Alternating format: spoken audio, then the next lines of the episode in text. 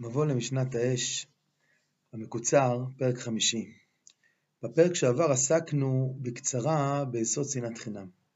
דיברנו על זה ששנאת חינם זה לא שנאה בלי סיבה, וההפך שלה זה לא אהבת חינם, אהבה בלי סיבה.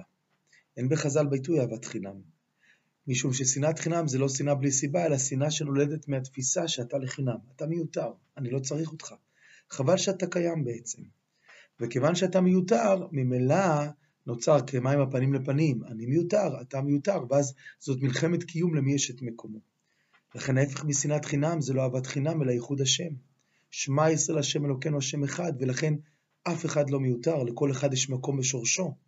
זה לא סותר שמגיע עונש למי שמגיע עונש, אבל גם אם מגיע לו עונש, אפילו עונש החמור ביותר של מיתת בית דין, אין לו חלק יותר בעולם הזה, אבל זוהי כפרתו ויש לו חלק לעולם הבא, לבל יידח ממנו יידח. נדגים היום את היסוד הזה בעבודה הנפשית החינוכית. הרבה פעמים יכול להיות מצב של ילד שמרגיש או בבית, או בכיתה, או במרחב חברתי כזה או אחר, שמקומו לא מובטח. הוא מרגיש שהוא מאוים, לפעמים זה ילד סנדוויץ' שמרגיש שדורשים ממנו להיות הגדול בין הקטנים והקטן בין הגדולים, הוא לא מקבל את מקומו הנכון, לפעמים זה ילד אחר בתוך המשפחה, או ילד שבבית טוב לו מאוד, אבל בתוך, בתוך הכיתה, המעגל החברתי, מרגיש שמקומו לא מובטח. ואז דווקא לכן הוא נלחם. הוא נלחם על מקומו, הוא מתחיל להתחצף, הוא מתחיל להיות עז פנים, ומתחיל להיות בעצם, אה, כמו נאמר, משתולל. ממש מנסה להילחם על מקומו.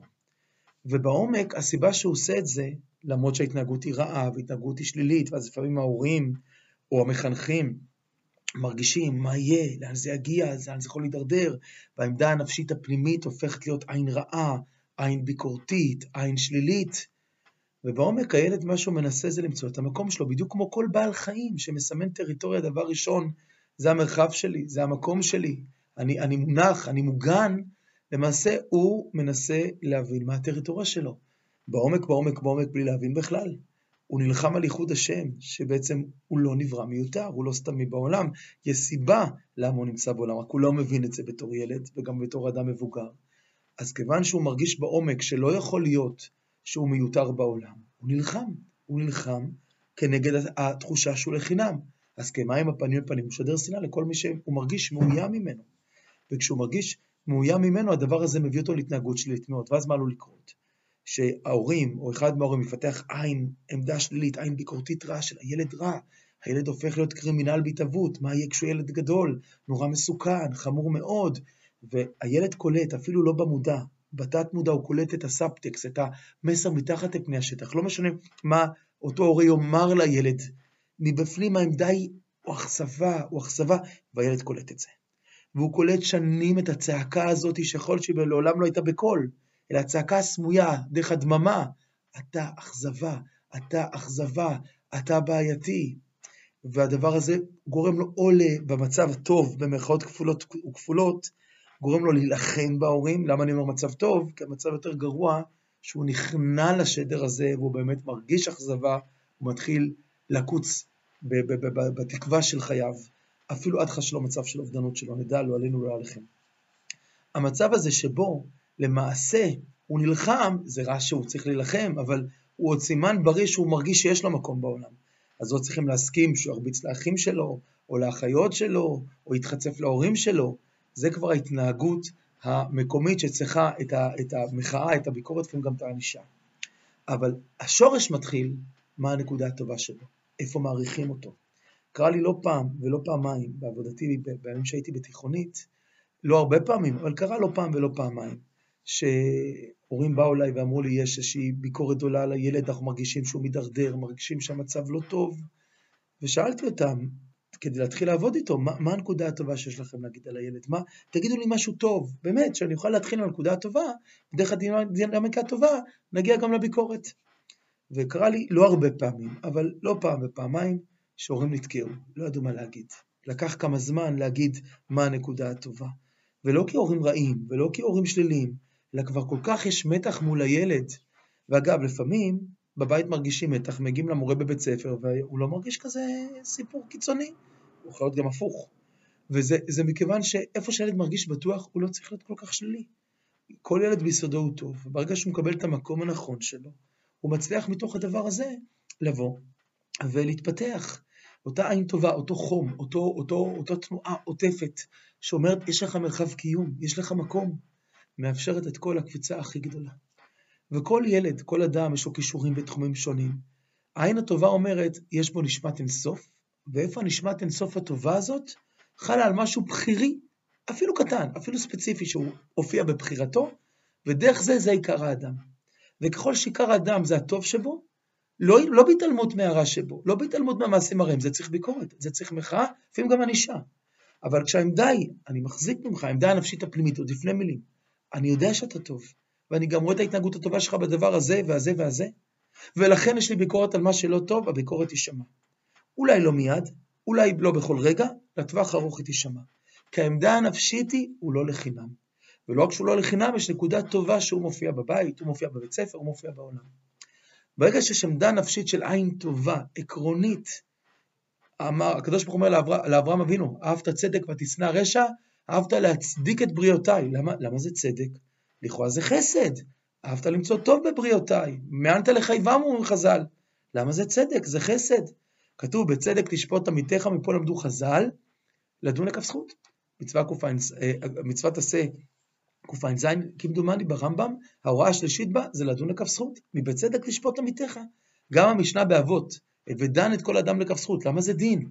למה זה לא הווה מרחם את כל אדם לכף זכות? למה זה דין? למה זה לא רחמים? הרי זה לא האמת, האמת היא שהוא מתנהג לא יפה, זה לא הצדק. למה אהבת צדק? לכאורה אהבת חסד, למה אברהם אהב צדק? כי זה הצדק, זו הדין. הדין הוא איפה האדם ביסודו הוא טוב, והדין הזה לא בא לטשטש את כל ההתנהגות הרעה. יכול להיות שבכמות הרוב רע כרגע, אבל זה בגלל שהוא לא מצליח להיות אדם. זה בגלל שהוא לא מצא את מקומו. אז הדין הוא לדון לכף זכות את הנקודה הטובה ועיקר האדם. מתוכה יש ענישה למעשים הרעים. אגב, ככל שאדם יותר רואים את הטוב שבו, אפשר יותר לדקדק איתו כחוט השערה. הוא מקבל את זה. כמו כל מי שהוא מקצוען בתחום מסוים, הוא רוצה ביקורת בדקות של הדקות. ולכן צדיקים שהם לא מצוינים בספורט או מצוינים במלאכה כזאת או אחרת, אלא בכללות האישיות שלהם, הקדוש ברוך הוא מדקדק איתם כחוט השערה, מכיוון שבאמת, באמת, מתוך אותה עין טובה שהם יודעים את מקומה, אפשר לבקר. אבל אם אתה לא מאמין בי, אם אני אפס מאופס, אז למה אתה מבקר אותי כדי לדרוך עליי? אז ככל שהעין הטובה חלשה יותר, אי אפשר להעביר ביקורת. ולכן הנקודה הראשונה בתחום הנפשי-חינוכי לתיקון של שנאת חינם, היא למצוא מה הנקודה הטובה שבאמת האדם נמצא בו, הילד נמצא בו. זה נכון בחינוך, זה נכון ביחסי שכנים, זה נכון ביחסי חברה, זה נכון, זה נכון בעם ישראל. אם יש חלק בעם ישראל שהוא מיותר, שכל כולו רק ריק, כל כולו רק רע, אז ממילא עין טובה, ממילא הביקורת גם לא תישמע, ממילא יש שנאת חינם, ממילא מתלבאים הדינים מצד לצד, הקצף, הכעס, ואין העברת ביקורת, אין יכולת להעביר תוכחה. מצוות תוכחה שעוד צריך לעסוק בה היא חלק גדול מיישום האמת והשלום. דורשת אבל קודם כל לדון לכף זכות, לראות באמת איפה הטוב שקיים באדם השני. ומתוך הטוב יהיה אפשר להעביר ביקורת על מה שרע. ושוב נדגיש, ייתכן וכרגע הטוב הוא מעט הכמות, אבל זה עיקר האדם. שם הוא מצליח להיות אדם, שם הנשמת אינסוף שלו התחברה בבחירה שלו, וזה עיקר האדם. ככל שהוא יתפוס את עצמו בעיקר האדם שבו, שזה הטוב שבו, אלוקים עשה את אדם ישר, מתוך כך יהיה אפשר לבוא ולהעביר ביקורת ולהעביר אותו לחשבון נפש על כל מה שהוא לא בסדר. אבל ככל שאין את הנקודה של העמדה הטובה, תתלבש שנאת החינם. ולכן שנאת חינם שורשה הוא תיקון באמת, לא רק בשלום. לראות באמת מה הטוב שבאדם. לכן זה פלא הפלאים. המצווה של לדון לכף זכות בתורה נלמדת מהפסוק לא תעשו עוול במשפט. לא תישא פני דל, לא תדר פני גדול, בצדק תשפוט עמיתך. כל הפסוק עוסק בדין אמת. לכאורה לדון לכף זכות, עין טובה, זה סוג של רחמים, דינמיקה טובה, התעלמות מהבעיות. לא, לא, לא, לא, לא. תדון בצדק. ובצדק להבין איפה זה עיקר האדם, ואיפה הנקודה הטובה שבו. מתוך זה יש גם העברת ביקורת. זה פילי פלאות, פילי פלאות. התורה לימדה אותנו הפוך מהחשיבה האנושית. אנחנו היינו מתייגים את לדון לכף זכות כתחום השלום, הרחמים, החסד, ותחום הביקורת כתחום האמת, הדין הנוקב, והתורה בדיוק הפוך. מאיפה לומדים מצוות תוכיח תוכיח את עמיתך שזה העברת ביקורת? כתוב לא תשנא את אחיך בלבביך, הוכח תוכיח את עמיתך ולא תישא עליו חטא. מאיפה יוצאת הביקורת? מאהבת ישראל. מאיפה יוצאת העין הטובה? מבקשת האמת. אנחנו אומרים בדיוק הפוך. לכאורה איך אנחנו הקטנים היינו מנסחים את הפסוקים? היינו אומרים ככה, לא תישא פני דל, לא תדר פני גדול. ואז מה היינו אומרים? הוכח תוכיח את עמיתך. תהיה אמיתי. ומה היינו אומרים על, על, על הדו לכף זכות?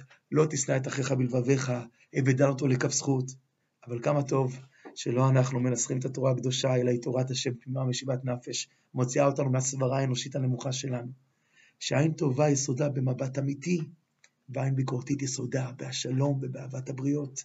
זה עוד נעסוק בזה בהרחבה בלי נדר. אבל ענייננו, ה- היכולת להבין, להבין ששנאת חינם זה שאתה משדר בעמדה הנפשית הפנימית, חבל שהוא נמצא, הוא מאכזב אותי. כל הווייתו ביסודה היא רעה. ואז ממילא יש מלחמת קיום, אני לא מיותר. יותר כואב מזה. לפי מה שהבנו, אנחנו לא מכירים את זה מקרבה אישית, אבל ששמענו מאנשים שהתעסקו במקום של בני נוער שהגיעו לסמים, אומרים שהסמים זה לא הייתה הבעיה, זו הייתה התוצאה, הרצון לקבל מעט, מעט פריחה מכל התחושה של אין לי מקום. לפעמים אדם הלך לחברה של הכי נמוכה מבחינה חברתית סוציו-אקונומית, והסתובב הכי הכי נמוך מבחינת, אה, אה, אה, לא סוציו-אקונומית, אלא הכוונה מבחינת, הסתובב עם, עם אנשים שכמוהו הולכים למקום הכי נמוך של סמים או דברים רעים של אלכוהול. והחברה שם לא חיפשו את הסמים ואת האלכוהול, אלא שם הם הרגישו אחד עם השני, יש לי מקום, מכבדים אותי, מעריכים אותי, אני לא מיותר. מפחיד להגיד את זה, ואני מקווה שאני אובן נכון ולא נכון. אפשר להבין את זה שבעצם אדם מוכן לקחת סמים רק כדי שבעצם הוא לא מיותר בעולם, שלא ירגישו לחינם. בעומק כל כך נברא באדם ייחוד השם, שהוא לא מיותר בעולם, אז הוא אפילו עד, עד לשם יגיע כדי להרגיש, רגע, עוד יש לי מקום. וכמובן שלא רק שאסור לקחת סמים, זה הרי רגע לפני חידלון, זה הרי להגיע למחוזות הכי נמוכים, שאם לא יוצא משם אפשר גם למות, ולהגיע לדברים הכי נוראים שיש בדברים קשים של סמים קשים. הרי זה הדבר הכי נורא לאדמות, זה כבר גובל בדברים נוראים. לכן, לכן זה לא שחס ושלום, אנחנו אומרים את זה במובן חיובי, איזה יופי שאדם לקח סמים, זה השם ירחם, זה נורא ואיום, אלא בעומק להבין עד היכן אדם מגיע, עד, עד כמה הוא מוכן לסבול, רק כדי להרגיש שיש לו מקום. ולפעמים הורים טובים, או חברים טובים, או אנשים טובים, אבל מהמקום של מבט ניגלה בלבד, וההתנהגות ברובה גלויה לא טובה, אז העמדה הנפשית היא, הוא אפס, הוא לא מוצלח, הוא שלילי, הוא, הוא, הוא, הוא כישלון, הוא אכזבה. ואדם מרגיש שאין לו מקום בחברה הטובה הזאת, אז הוא הולך לחברה רעה כדי לקבל מקום, כי מוטבע בעומק שלכל אדם יש מקום. אתם מבינים כמה זה עמוק התיקון של שנאת חינם? זה מתחיל מהמקום למצוא לכל אחד את המקום האמיתי שלו.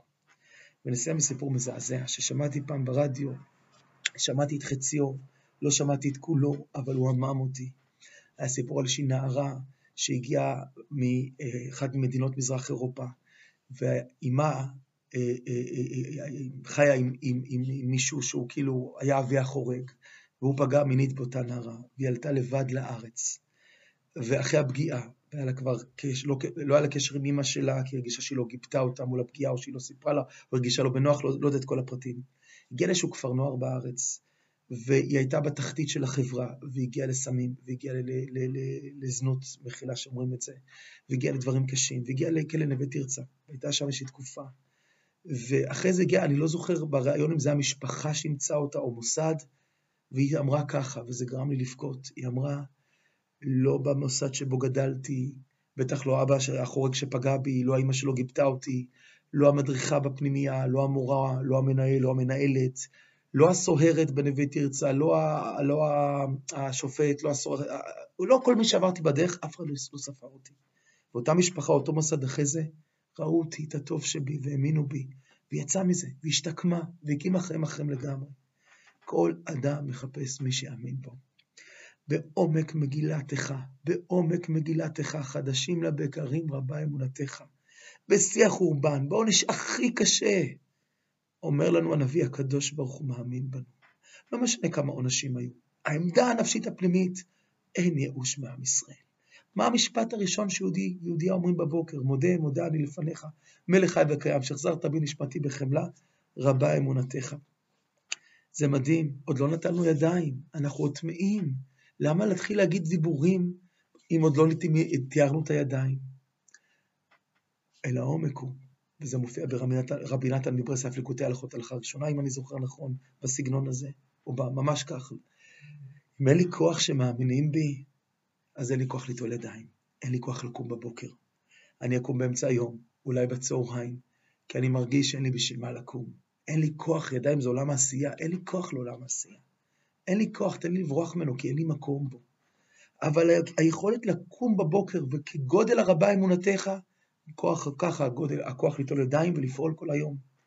הקדוש ברוך הוא מאמין בנו, ואנחנו שליחיו צריכים להאמין בבני אדם, להאמין בכל אדם, להאמין בכל ילד, להאמין בכל ילדה, ומתוך זה דווקא הביקורת תישמע. ובעומק גם כלפי החברה הישראלית, אם יש אמון וראייה טוב, יהיה אפשר להחזיר את הביקורת הנקייה, האמיתית, העניינית, כי אם אתה מאמין בי, אני מסוגל לשמוע אותך גם במה שאתה מבקר אותי. היכולת להחזיר את אהבת ישראל, היכולת להחזיר את העברת הביקורת ומילה להתחזק בתורה הקדושה, תלויה הן ברמת הפרט, הן ברמת החברה. ולפעול נכון בעין טובה ועין ביקורתית, שהם הביטוי והגילוי השלם של המעשי של האמת והשלום מאבו. עד כאן להיום, בשורות טובות, ישועות ונחמות.